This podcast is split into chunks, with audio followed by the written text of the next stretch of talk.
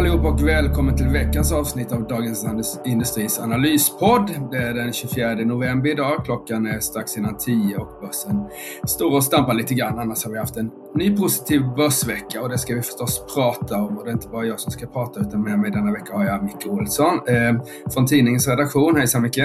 Tjena, tjena!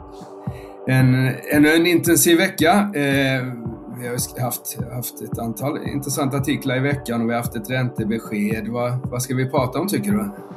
Ja, men, eh, förutom räntebeskedet så kan vi snacka lite grann om en eh, serie vi har skrivit om Kina bland annat. Vi, lite bolagsspecifikt om eh, eh, Hexatronic som har vinstvarnat och sådär. Sen eh, ett på case också. Tycker jag. Och lite vad som händer nästa vecka. Och så har vi haft eh, eh, stora händelser i, i fastighetsbolaget Fastato exempelvis. Och så har vår kollega Rickard Båse skrivit en hel del om Afri och vad det är som är problemet med dem.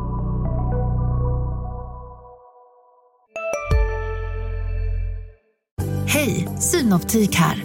Hos oss får du hjälp med att ta hand om din ögonhälsa. Med vår synundersökning kan vi upptäcka både synförändringar och tecken på vanliga ögonsjukdomar. Boka tid på synoptik.se. Du, det här Kina eh, har ju fyllt tidningen hela veckan egentligen. Eh, vad, vad, är, vad är det där? Ja, men det är en, eh, en utmaning som är eh, aktuell i, i högsta grad. Och det, det handlar främst om eh, geopolitisk risk man är rädd för att relationen med Kina ska försämras avsevärt eh, och att de bolagen då som har stor exponering mot kinesiska marknaden på ett eller annat sätt ska hamna i en sits. Kanske lite likt det som, som eh, ja, hände de bolagen som hade stor exponering mot Ryssland när de eh, under 2022 inledde kriget mot Ukraina. Ehm, och jag tror att ehm, om man tittar, ehm, ja, men när de investeringar som gjordes i Kina för kanske 15-20 år sedan, då var eh, liksom dörrarna vidöppna och, och affärerna gick bra och så. Och nu när man i några fall kanske har dragit sig tillbaka eller stött på lite problem, då, då har det varit lite mer problematiskt. Eh, och den balansgången då är väldigt svår. Eh, att, att relationen försämras om man eh, vill helt enkelt minska sin risk eller sin exponering mot Kina. Ehm, så att, att producera i Europa och exempelvis fortsätta sälja till Kina kan vara, kan vara utmanande. Och, och problem, problemet är också, ska sägas, att eh, de här eh, supply chains eller logistik, eh, logistiken, den behöver bli lite mer robust. Det, det, är svårt att bara ha exponering mot en marknad. Så man, man vill diversifiera och, och göra de här lite mer redundanta, de försörjningsleden så att säga. Ja, precis. Och vi har tagit upp ett antal bolag som har börjat titta på att lämna Kina och även kinesiska bolag börjar börjat titta på att lämna Kina. Jag vet att jag träffade Torsten Jansson på New Wave här för bara någon vecka sedan och han han har börjat producera lite av sina, det är väl väldigt små andelar men lite av sin, sina, sina kläder från Kina till Afrika. Så det är ju faktiskt en rörelse som pågår. Då. Och där har jag ju pratat om ett, ett ganska bra tag egentligen sen, sen Trump, sen, sen Trump och eh, eh, eh sen Trump eh, började med sina handelshinder mot Kina och den, den handels handelskrig som uppstod då. Och sen så kom pandemin och då blev det ju ännu krångligare att vara så långt bort med sin produktion. Och sen så efter det så har då den här geopolitiska oron som du pratade om mycket liksom varit ytterligare en sten som bygger upp eh, bygga upp eh, en, en, en, en, en liten stege som gör att folk kanske lämnar eh, Kina för närliggande länder och ännu längre bort. Delvis för att komma närmare marknaden också. Det har ju en, det har ju liksom en ESG, eh, det är nästan alla bokstäverna i ESG här. Det är, liksom, det är också av miljöskäl att man liksom kanske vill dra ner på, på klimatavtrycket genom att minska, minska eh, leveranslängden så att säga, plus den här sociala biten då, hur det ser ut i Kina egentligen. Så det där är ju något som, som det är ju, sådana där saker brukar ju gå ganska långsamt, men jag tycker att trendriktningen är, är ganska tydlig egentligen. Så får vi se. Sverige har ju levt väldigt högt på som du var inne på där när vi liksom började närma oss Kina på riktigt då, det är ju 20 år sedan egentligen, så, så är det många bolag som har väldigt stor verksamhet i Kina. Atlas nu är, blir ju intressant exempelvis, de byter ju VD idag också och, och Alfa Laval är stora där nere och, och Hexa, Hexagon också och sådär. Så det, det, det, är en viktig marknad för, för Sverige men eh, ja, vi får se om det kommer att vara lika viktig framöver. Mm. Ja, det är ett intressant eh, trendskift i alla fall som jag tror eh, det kommer säkert ha fler eh, Ehm, fler konsekvenser än vad man nästan kan förutse om, om det ser så att den här trenden fortsätter. Så det, det, blir intressant att följa vilka som är vinnare och förlorare på det. Men eh, precis som du säger, Kina är fortfarande en extremt viktig marknad för många bolag. Ja, det är det. Och de har ju, de har ju ändå försökt träffas nu, liksom, amerikanska och kinesiska ledare för att kanske liksom göra klimatet lite varmare mellan dem eller lite mer vänligt. Men eh, vi får väl se här, det är fortfarande, fortfarande osäkert. Men du, vi har eh, mer närliggande och mer kanske ska säga dagsaktuella händelser. Riksbankens eh, uteblivna räntehöjning den här veckan är väl kanske den stora saken egentligen. Eh, vad, ja, vad, vad kan man säga om det egentligen? Um... Ja, det är ganska spännande. Jag, jag trodde nog, eh, och jag, vi var väl ungefär delade, vi som tittar på marknaderna, eh, har ett jobb, att om det skulle bli en räntehöjning eller inte. Ett tag så var det liksom 100 det ska bli en räntehöjning. Så kom ju den svaga konjunktur, eh, KPI-statistiken eh, för oktober, uteblivna räntehöjningar i ECB och, och Fed och liksom svag, svag industristatistik. Eh, så då skiftade det lite så att hälften trodde väl på en höjning och hälften trodde på en Eh, en oförändrad ränta inför torsdagen, torsdagsmorgonens beslut. Och jag tillhörde nog de som att nej, de höjer nog ändå, för jag tyckte att Thedéen har varit så väldigt tydlig med det där. Men det gjorde de inte och det fick ju fart på, på börsen. Så jag satte upp börsen en halv procent ungefär direkt när beskedet kom på Stockholmsbörsen. Och jag kan väl eh, hålla med om att det är dags att börja liksom stanna upp här och utvärdera räntehöjningar precis som Thedéen gör nu och hoppas att den här eh, den här inflationstrycket som har dämpats ganska rejält, även om det fortfarande är långt över 2% som är målet. Så avvakta och se vad som händer, för vi är ju inne i en, vi är ju på väg in i en ganska rejäl lågkonjunktur skulle jag säga. Med. Det är ju helt stopp i byggandet och, och det kommer ju påverka mängd av sektorer. Det är en ganska stor sektor, framförallt om man räknar kring sektorer. Så det kanske var klokt. Å andra sidan så är det ju så att du kan liksom inte om de misslyckas nu, om, så att säga, om, om, om, om det här liksom ger lite, lite råg i ryggen på konsumenterna, man börjar konsumera, huspriserna går upp, börsen stiger, så man inte får ner aktivitetsnivån i ekonomin som man har hoppats på och det gör att inflationen så att säga stannar på 3% eller något sånt där, då har vi ju ett problem för då kanske vi måste liksom börja höja räntan igen då. Det, det är klart att det är inte bra att kriga för länge eh, mot inflationen. Det hade varit skönt att liksom få ner den till 2% och se till att den är där istället för att liksom, för det kan ju bli ett utdraget krig och då kan det bli lite osäkert på det. Men det är ju bra för börsen eh, och nu har vi ju inne, börstrenden tycker jag har vänt ganska rejält här. Dels med Riksbanken, sen hade vi liksom Fed-beskedet och sen så svag, svag eh, inflation i USA. Så vi är ju upp, denna veckan är vi väl bara upp eh, 1-2 procent men vi har ju haft ett rejält rally i november egentligen. Vi är ju upp 10 procent i november. Och det är klart att det där, det är nog inte något som centralbankscheferna vill se, liksom en, en, en all time high på börsen och lite happy days are here again. För det, det, det, känner de inte, det vill de inte liksom höra, höra. Så vi får se, det blir spännande. Och det ska bli spännande. Jag vet inte vad du tycker om börsen här. Dels uppgången som har varit och, och, eh, och hur du ser på kommande månadernas eh, börs, börsrally, eller eh, börsförväntningar. Ja, nej men, jag håller väl med om, om väldigt mycket av det du, du sa här, men just det här med att man, marknaden verkar ha tolkat det här som att det inte kommer några fler räntehöjningar och att Riksbanken och kanske liksom världens centralbanker i, i stort eh, anser att nuvarande nivåer är tillräckligt åtstramande och sen så kommer det bara ta tid att få inflationen att, att sjunka så att säga. Eh, men nu har ju sentimentet varit väldigt positivt och jag tycker det känns lite grann som, jag, brukar inte ha speciellt starka åsikter om makro, men eh, nu tycker jag ändå att man får lite känslan av att okay, men nu har vi nästan prisat in att det kommer bli en mjuk landning. Det är, allt känns ju toppen. Det är många aktier, många småbolag har ju fortfarande väldigt långt till liksom forna toppnivåer. Men, men många av, av, de stora bolagen har ju gått väldigt bra får man säga. Ja, ja Atlas Copco är ju nästan all, på all time high som är uppe på, eh, som, eh, som är vårt största bolag och det har ju varit ett riktigt fastighetsrally på börsen. Det är ju mycket som är upp eh, 30 procent här bara på några veckor och sådär. Och en del Småbolagen har ju inte hängt med som grupp. En del har ju liksom tagit fart men andra är fortfarande svaga. Men det är klart att om den här börsuppgången fortsätter så kommer det bli lite, man tittar på eftersläntrarna, det är en sån här klassisk börsstrategi, liksom att man börjar med en slags relativ värdering här. Ja, men den har ju inte gått, då måste den också gå. Så mm. går allting här. Men det, så får vi ett, ett slags vinter-julrally som vi brukar få, så då, då ska man nog ligga i småbolag, tror jag tror jag. Men eh, som sagt var, det, sen är det ju spännande för sen kommer vi ju redan i januari möta verkligheten igen då i form av eh, bokslutskommunikéerna och då är det liksom rapporterna som ska sätta börstemperaturen igen från makro och rapporterna. Eh, det finns väl inget som säger att liksom eh, företagen ser något annat än än dystrare på verkligheten med tanke på de svaga industrisiffror vi har nu. Så det, då, då får vi se här. Det är möjligt att vi får en fortsatt uppgång till december och nästan all time high på börsen och sen så kanske det kan bli jobbigt i, i början av året igen ungefär som det har varit ja, det var 2022 exempelvis. Mm. Får, får jag ställa en liten fråga? För nu, nu känns det som att eh, det, det ändå har blivit lite att man har fokuserat väldigt mycket på räntorna och nu verkar liksom den marknadens åsikt vara att de är åtminstone inte på väg upp och kanske inom ett halvår då eller eh, nio månader på väg ner.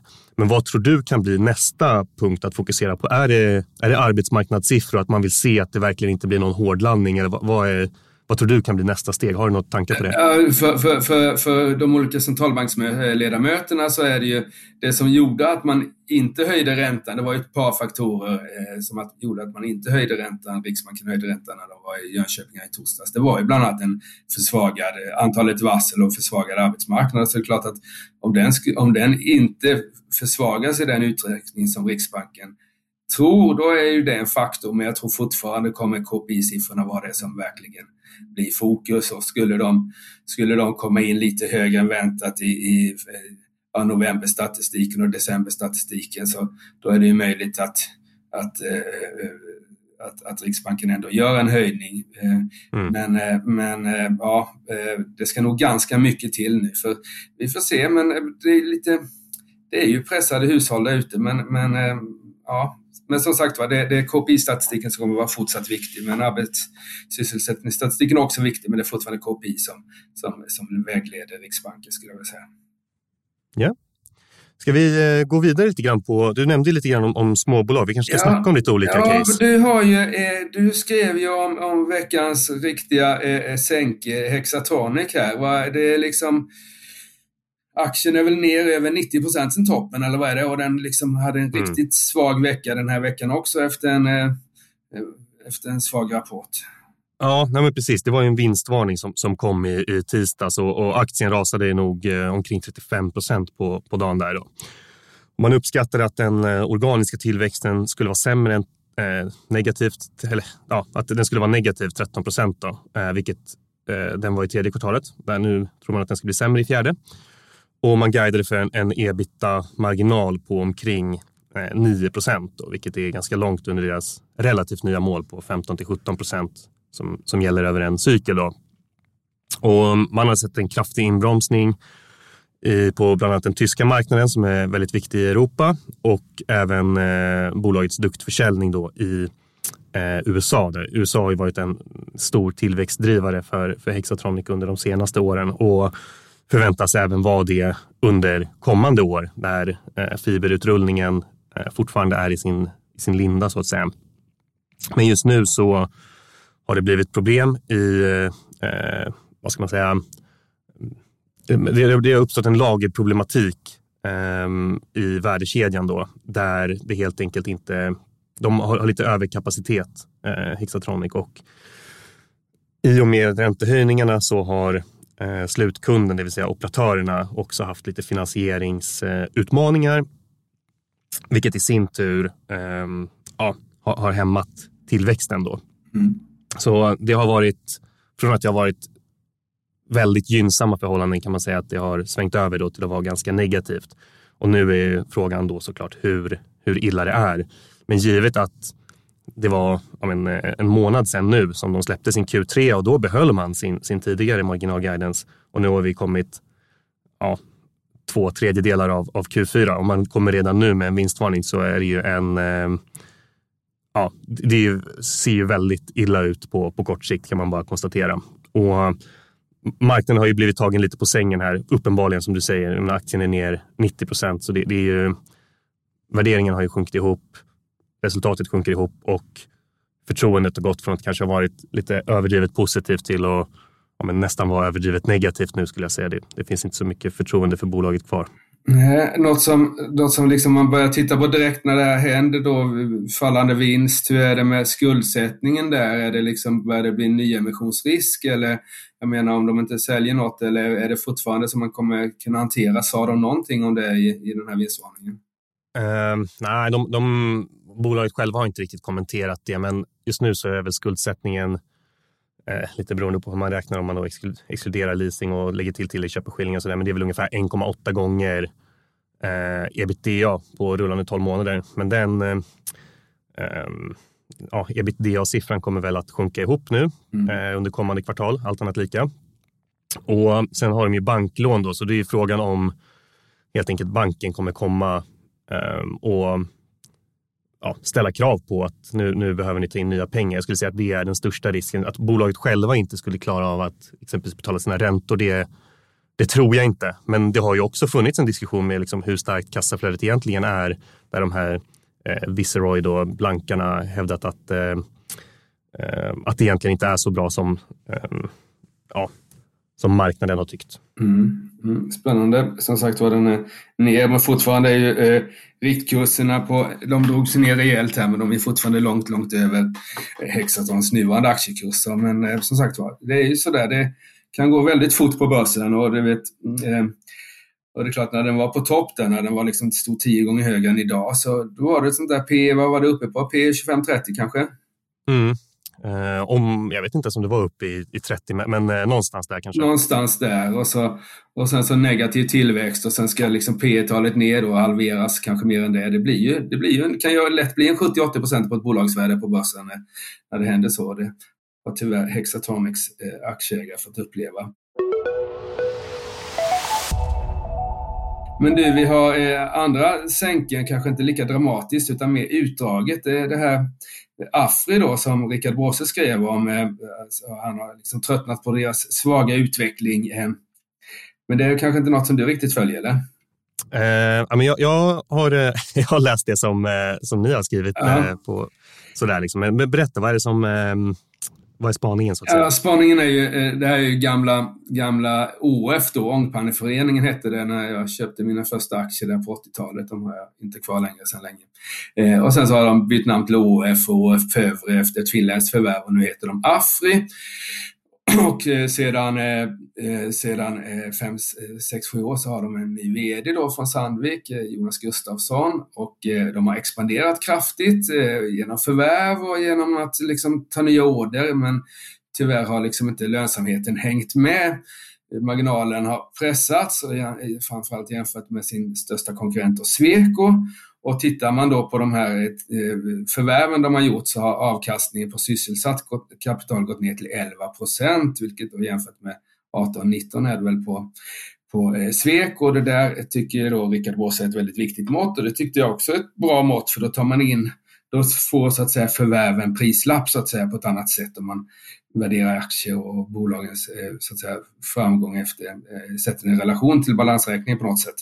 Och, det, och då, då sticker verkligen AFRI ut på negativt håll och då spekulerar eh, Eh, eh, Rickard säger att det är, när det går så här dåligt så brukar det bli vd-byten och då pekade han ut Reiles eh, vd Viktor Svensson som en möjlig efterträdare som har haft en ganska lång karriär på Afris. Eh, var informationschef där och, och eh, chef för ett, ett segment och sådär. Och det, det kan vara något och jag kan tänka mig att eh, eh Ratorschefen eh, Jonas Wistrand tittar, titta ganska eh, intensivt på Afrikursen. Det finns säkert, han är, kanske kan vara intresserad av att göra någonting där. Han har ju förvärvat eh, Semcon bland annat och sådär och börjar liksom närma sig sina gamla jaktmärken. Så det är möjligt att det kan hända någon slags strukturaffär här, inte att det skulle liksom bli en fusion på något sätt, men att man kanske gör någon apportinvestering apport, eh, på något sätt och försöker ta över kontrollen lite av Afri, vilket i och för sig inte är så lätt eftersom det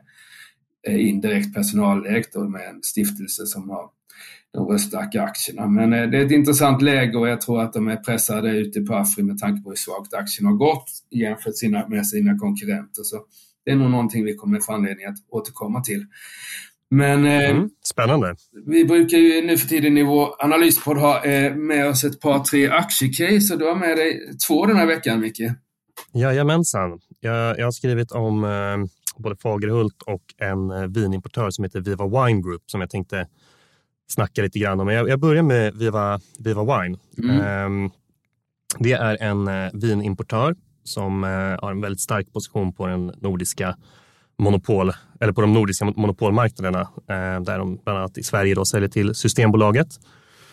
Det är kanske inte så många som känner till själva Viva Wine Group, då, men de, från början så lyckades de, eh, alltså det här är nog eh, kanske 15 eh, år sedan eller något i den stilen, att de, de lyckades komma in väldigt bra på ekologiska viner när det var relativt nytt och även boxviner eh, när det liksom lanserades och har därifrån byggt upp en, en stark position i Sverige. Och sen så har man expanderat det till nordiska marknaderna såsom Norge och Finland. Och man kom till börsen för ett par år sedan och gjorde i samband med det ett förvärv av en e-handelsverksamhet i ja, kontinentaleuropa kanske man kan säga då, men typ Tyskland, Österrike, Frankrike, Rumänien, Nederländerna helt enkelt där man försöker sälja ja, men, vin genom, genom e-handel helt enkelt. Och det är ju en ganska bra produkt egentligen att sälja via eh, via e-handel. Det är inte så mycket returer och eh, Eh, det är en ganska tung, eh, eh, vad ska man säga, en, en tung vara att bära runt på. Så det är ju mm. smidigt att få hemskickat på det sättet. Ja, det, är liksom, det passar ju också. Du kan ju liksom, på nätet kan du ha ett betydligt bredare sortiment än vad du kan ha fysiskt så att säga. Så det är ju, och du kan liksom rådge folk på ett annat sätt och så där. Så det, ja, jag förstår att det, att det är en, en intressant e-handelsmarknad. Mm. Bolaget kom med en rapport nu i veckan och uppvisade en organisk tillväxt på 4,5 procent då som drevs framförallt av de här eh, monopolmarknaderna där de är eh, där de är aktiva, men eh, bolaget är en valutaförlorare. Så när kronan går svagt så påverkar det resultatet ganska mycket. Så där har det urholkats lite grann egentligen sen, mm. sen de kom till börsen. De senaste åren. Kronan har ju varit ja, väldigt svag helt enkelt. Men de, de har ett marginalmål att nå 10 till 12 procent eh, vilket jag tror är realistiskt. Eh, de jobbar ju med prishöjningar och så just nu då för att försöka kompensera för det här och det var 8 procent i senaste kvartalet. Eh, de har lite skulder, men eh, jag tror att de fortfarande kommer kunna dela ut omkring en och en halv krona per aktie. Och då får man en direktavkastning nu på ungefär 4,5 procent. Och som sagt, om, om kronan bara slutar gå ner så, så kanske det kan ge en viss, viss skjuts. Då. Så jag, jag, tycker att det är ett ganska intressant case med, det är lite kändisar i ägarlistan som Erik Selin och även eh, investmentbolaget Svolder och amerikanerna Capital Group och sådär. Mm. Och sen så är det eh, vd och liksom grundar, grundare som, som äger det till, till väldigt stor del, mer än hälften. Ja, bra. Hej, Ulf Kristersson här. På många sätt är det en mörk tid vi lever i. Men nu tar vi ett stort steg för att göra Sverige till en tryggare och säkrare plats. Sverige är nu medlem i Nato. En för alla, alla för en. Vi är specialister på det vi gör, precis som du. Därför försäkrar vi på Swedea bara småföretag, som ditt. För oss är små företag alltid större än stora och vår företagsförsäkring anpassar sig helt efter firmans förutsättningar. Gå in på swedea.se företag och jämför själv.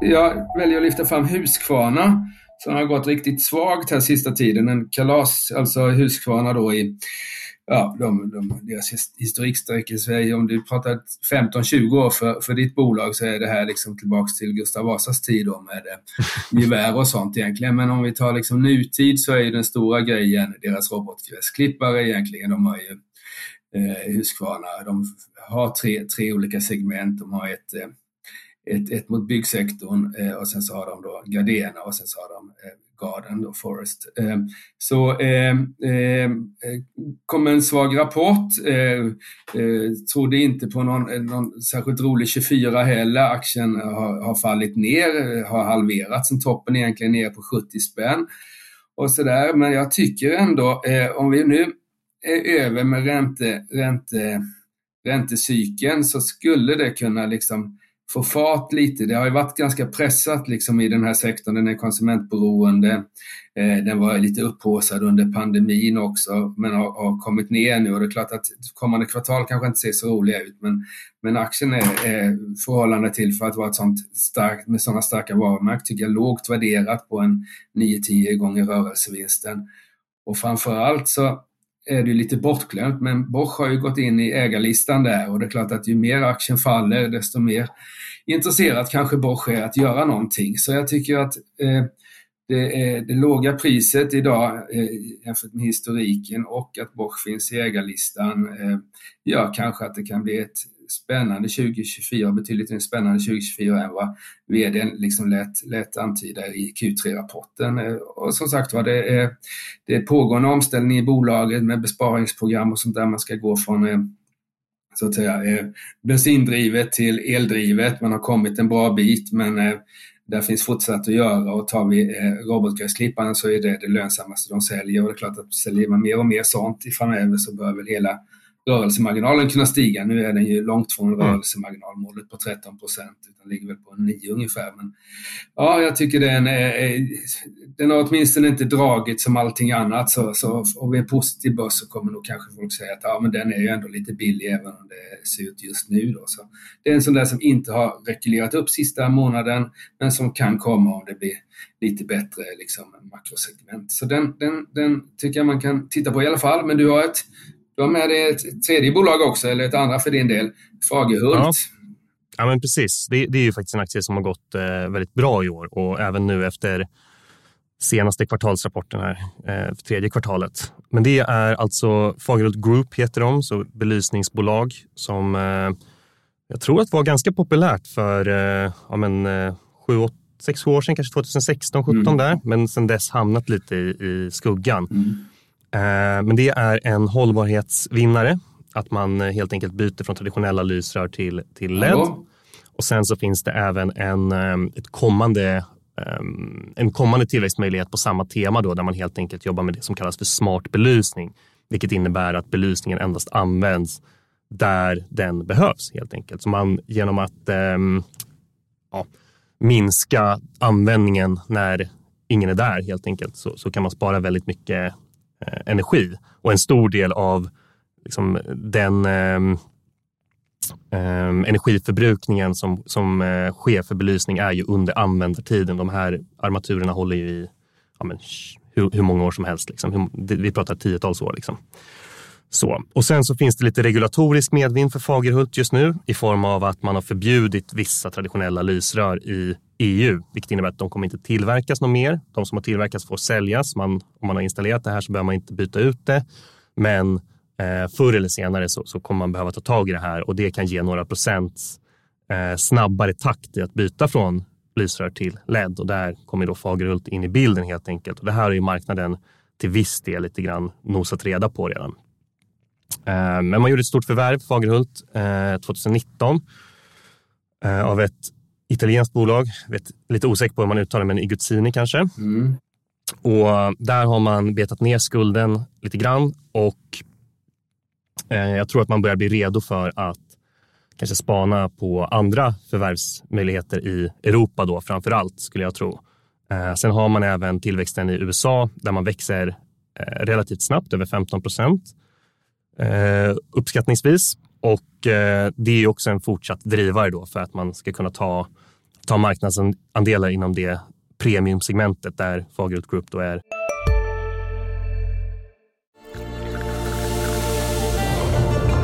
Välkommen till Maccafé på utvalda McDonalds restauranger med Baristakaffe till rimligt pris. Vad sägs om en latte eller cappuccino för bara 35 kronor? Alltid gjorda av våra utbildade baristor. En nyhet. Nu kan du teckna livförsäkring hos Trygg-Hansa. Den ger dina nära ersättning som kan användas på det sätt som hjälper bäst. En försäkring för dig och till de som älskar dig. Läs mer och teckna på trygghansa.se. Trygg Hansa. Trygghet för livet. är verksamma. Så jag tycker aktien ser eh, ja, men ganska billig ut i alla fall. Jag, jag uppskattar att det är ett eh, P tal på 15 för 2024 då. Man kan få eh, lite tillväxt med, eh, med de här medvindarna och eh, kanske något högre värdering. Fagerhult är eh, en extremt lång historik och operationell eh, ja, men, en operationell styrka som, som eh, de har uppvisat gång på gång. Så, så jag, jag, tror man kanske kan betala något eh, högre värdering än där idag och då ser en uppsida på, på 40 procent från, från dagens nivåer. Då. Och, ja, det är väl om, om man eh, gillar den här typen av case så tror jag att det kan vara ganska bra. Och de eh, som sagt klarar av att växa trots eh, exempelvis motvindar på eh, bostadsbyggandet och sådär som de helt enkelt inte är exponerade mot utan det är ju, det är andra trender. Mm, spännande. Jag vet att jag satt och köpte på dem för ett par år sedan i alla fall. Och det, kommer ihåg, det blev bra. Eh, för den kom ju ner rejält i P tal där. Det var ju som du sa ett ganska omsusat bolag ett tag, eh, just lite miljö så där för 6-7 år sedan och sen så var det ner i källaren och lite lönsamhetsproblem och så har de det italienska förvärvet gjorde att de blev lite större och sen så kom eh, hållbarhetstrenden på det. Så ja, ja, det är ett spännande bolag och eh, Latour är väl fortfarande storägare där. Så, och det, det är väl bra. Eh, mm. Bra, det var veckans case då. Det var tre stycken, Husqvarna, eh, Vivo Vino och eh eh, eh, eh, Fagerhult. Nästa vecka eh, är ganska händelserikt får man väl ändå säga. Vi börjar måndagen med hushållsutlåningen. Eh, SCB skickar statistik över det. Den har varit rejält pressad och lär väl fortsätta vara pressad. Eh, vi har lite kapitalmarknadsdagsvecka kan man väl säga med Sandvik och Hype, ett snusbolag, ABB och BRF och sådär. Och eh, sen så har vi faktiskt en del rapporter också. Eh, Kindred och Viaplay blir intressant. De har skjutit upp sin rapport. Eh, men ska nu lämna du, man måste ju lämna innan, innan november månad är slut. Så det, man har nästa vecka på sig, sen bryter man mot börskontrakten. Så det gäller att leverera därför via Play och det blir intressant att se vad de har, kan ha hittat på då. De sitter ju och förhandlar med sina eh, aktieägare och låntagare om finansiering. Eh, sen har vi KPI-statistiken börjar dyka in lite från Tyskland exempelvis mot slutet av veckan, kommer ju vara väldigt påverkande. Och sen så på fredagen har vi PMI, alltså inköpschefsindex som också är intressant. Och det ska ju bli spännande. Nu har vi haft nästan två år här av där så att säga svaga PMI har, har liksom resulterat i börsuppgångar för man har hellre velat se en svag konjunktur än stigande räntor då och då.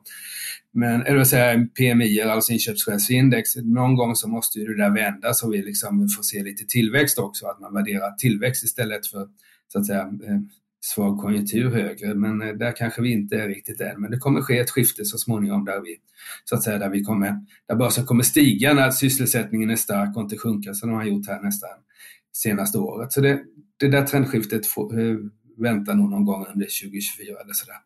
Men fram till dess så eh, tycker jag att våra lyssnare ska ta välförtjänt helg och eh, lyssna gärna på oss igen nästa fredag. Eh, du har lyssnat på Dagens Industris analyspodd med mig Ulf Pettersson och Mikael Olsson. Så då, Micke, återstår väl bara att säga tack och hej egentligen.